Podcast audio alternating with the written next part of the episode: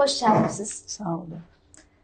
Xan Kəbiri, siz zəlzələdə çalışanların təcrübələrini e, yazı qalibində toplamağa başlayırsınız.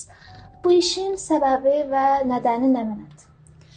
E, Məncə tarix müstənədlər əsasında yazılır.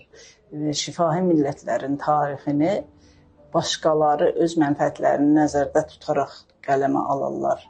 E, və get-gedə şifahi millətlərin e, mədəni, fərhəngi, ictimai, siyasi varlıqları içdən boşalmış hala gələr.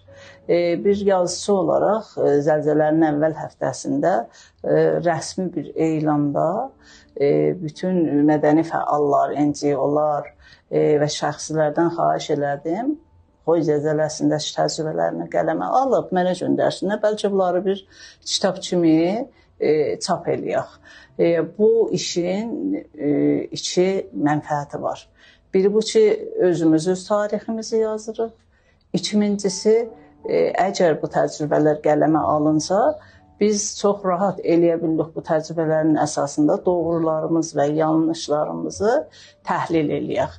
Amma təəssüflə bura kimi e, mənə 3-4 yazı gəlibdi e, və deyə bilərəm ki, Azərbaycan milləti şəfahi qalmağa israrcıdır. Yəni bu isbat edir ki, e, hələ-hələ biz şəfahi millətik. Sizin çalışmalarınızın bir bölümü də Konixlərə görə amar toplamaq idi. E, bu mövzuya görə təcrübələrinizdən buyurasınız. E, mən e, el gücü kəmpinə gələn günü e, bir cəlsə quruldu və orada e, Connect sistemi təşkil tapdı ki, üç yerə vəzaifi bölündü.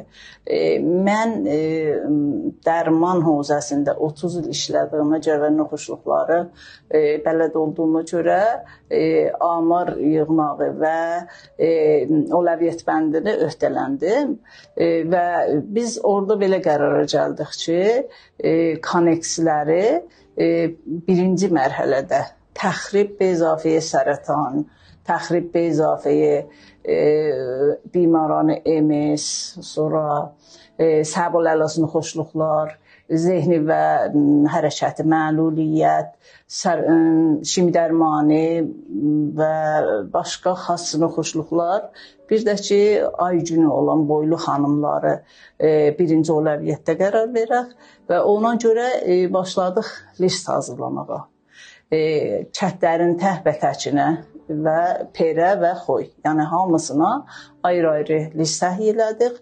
E, mütəqazilərin e, müşəxəsatını səbt eləyəndən sonra onlara bir-bir e, zəng vurub o, itilat alırdıq bilələrindən.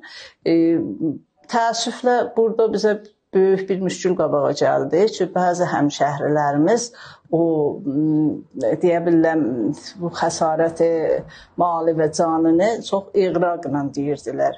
Məsələn, telefon dalısında bizə deyirdilər e, ev təxrib olub və səbul eləsin xoşluqlar.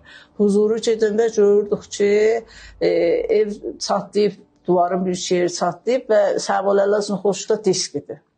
Yəni bu bizim işimizi çox müşküllətdi. Yəni da hamısına mən özüm huzuru gedib yaxından ərziyab eləyə bilmirdim. O yüzden e, Yarpaq cəmiyyətinin üzvləri və bir neçə şəxsi e, mədəni fəallar bu hovzuda belə köməklik elədilər və e, mənim oləviyyət bəndimin əsasında mən hazırladığım bu oləviyyət bəndi əsasında nə tək el gücü kəmpi ki, ayrı NGO-lar, xeyriyyələr də bizim oləviyyət bəndimizlə bir çox şəxsə konneks verdilər. Xan Kəbir, siz xanımların çalışmalarını bir mədəni fəal kimi bu zamanda necə gördünüz və bu zəminədə gördüyünüz axsaqlıqlar nə idi? Zəlzələ böhranında mən gördüyüm qədər e, kişi otoritəsi hakim idi. E, deyə bilərəm məmləkətin başa başında və öz şəhrimizdə də ataərkil düşüncələr yenə bu böhranda e, kamilən özünü göstərdi.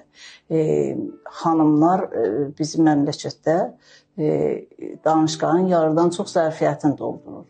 Amma ictimai işlərə gələndə, əməli işlərə gələndə həmişə arxa planda olurlar. Bu böhranda da xanımlar böhranın mərkəzində deyildilər. E, ümumiyyətlə arxa planda işləyirdilər, aşpazxana kimi işlərdə və e, intizar var idi. Bu savadlı xanımlar, təcrübəli xanımlar e, buhranın mərkəzində işləsinlər və xanımların ehtiyacı olan məsələləri rəf eləməyə çalışsınlar. Hətta e, mərkəzdə işləyən xanımlar da daha o şəraitə görə cəsarət eləmirlər. E, qabağa gəlsinlər və e, o fəaliyyətlərini əmələn göstərsinlər. Yəni bu bizim şəhrin və ölkənin ümumiyyətlə böyük müşkülüdür. Ki mənim nəzərimə çox mühüm məsələdir. Bunu da gəl təzyiq nəzər olunsun. Siz 3 dənə kənddə uşaqlardan xatirələr yığdınız. Bu işin səbəbi və nəticəsi nə cürdür? Yəni xatirə yazmaq deyə bilərəm ədəbiyyat hövzəsinə mərbut idi. Mən çox maraqlı idim görüm şəhrimin uşaqları e, ədəbiyyata necə yanaşırlar. O yüzden NGO-ların birinin sponsorluğu ilə qələm dəftər aldıq e, və şəhrin 3 dənə mütəfavit iqtisadi məntəqəsinə getdik. E, bu bilirsiniz ki, iqtisad müstəqim fərhəngə təsiri var. Bu üç kəmpidə fərqli davranışlar gördük. Amma yazıların nəticəsini oxuyanda mən 100-dən artıq e, xatirə yığdım uşaqlardan. Amma hamısı bir-birinə tayidi. E, mexaniki yazılar və e, uşaq uşaqlar məmulən e, fikirlərini, düşüncələrini roya pərdazi ilə deyirlər. Yəni o fikirlərin, hisslərini e, qələmə ala bilməmişdilər. Yəni bohranda, zəlzələdə belə bu uşaqlar e, təxəyyüllərini e, farsı dilində e, kağıza gətirə bilməmişdilər. Hətta bu məcmuədə 3-4 dənə də türkçü yazı var idi e, ki, çox e, kəlmə-kəlmə. Yəni bu göstərir ki, bizim uşaqların dil böhranı var. Yəni ana dili ilə rəsmi dilin arasında böyük bir böhran yaşayırlar. E, oynadıkları, ağladıkları, sevindikləri hər bir e, işləri ana dilində e, olan uşaqlar hisslərini gətirib e, rəsmi dildə qələmə alanmırlar. Ki bu da məmləkətimizin və etniklərin böyük e, məsələsidir. Ki zəlzələ böhranı bunu e, bir daha isbat elədi mənim üçün.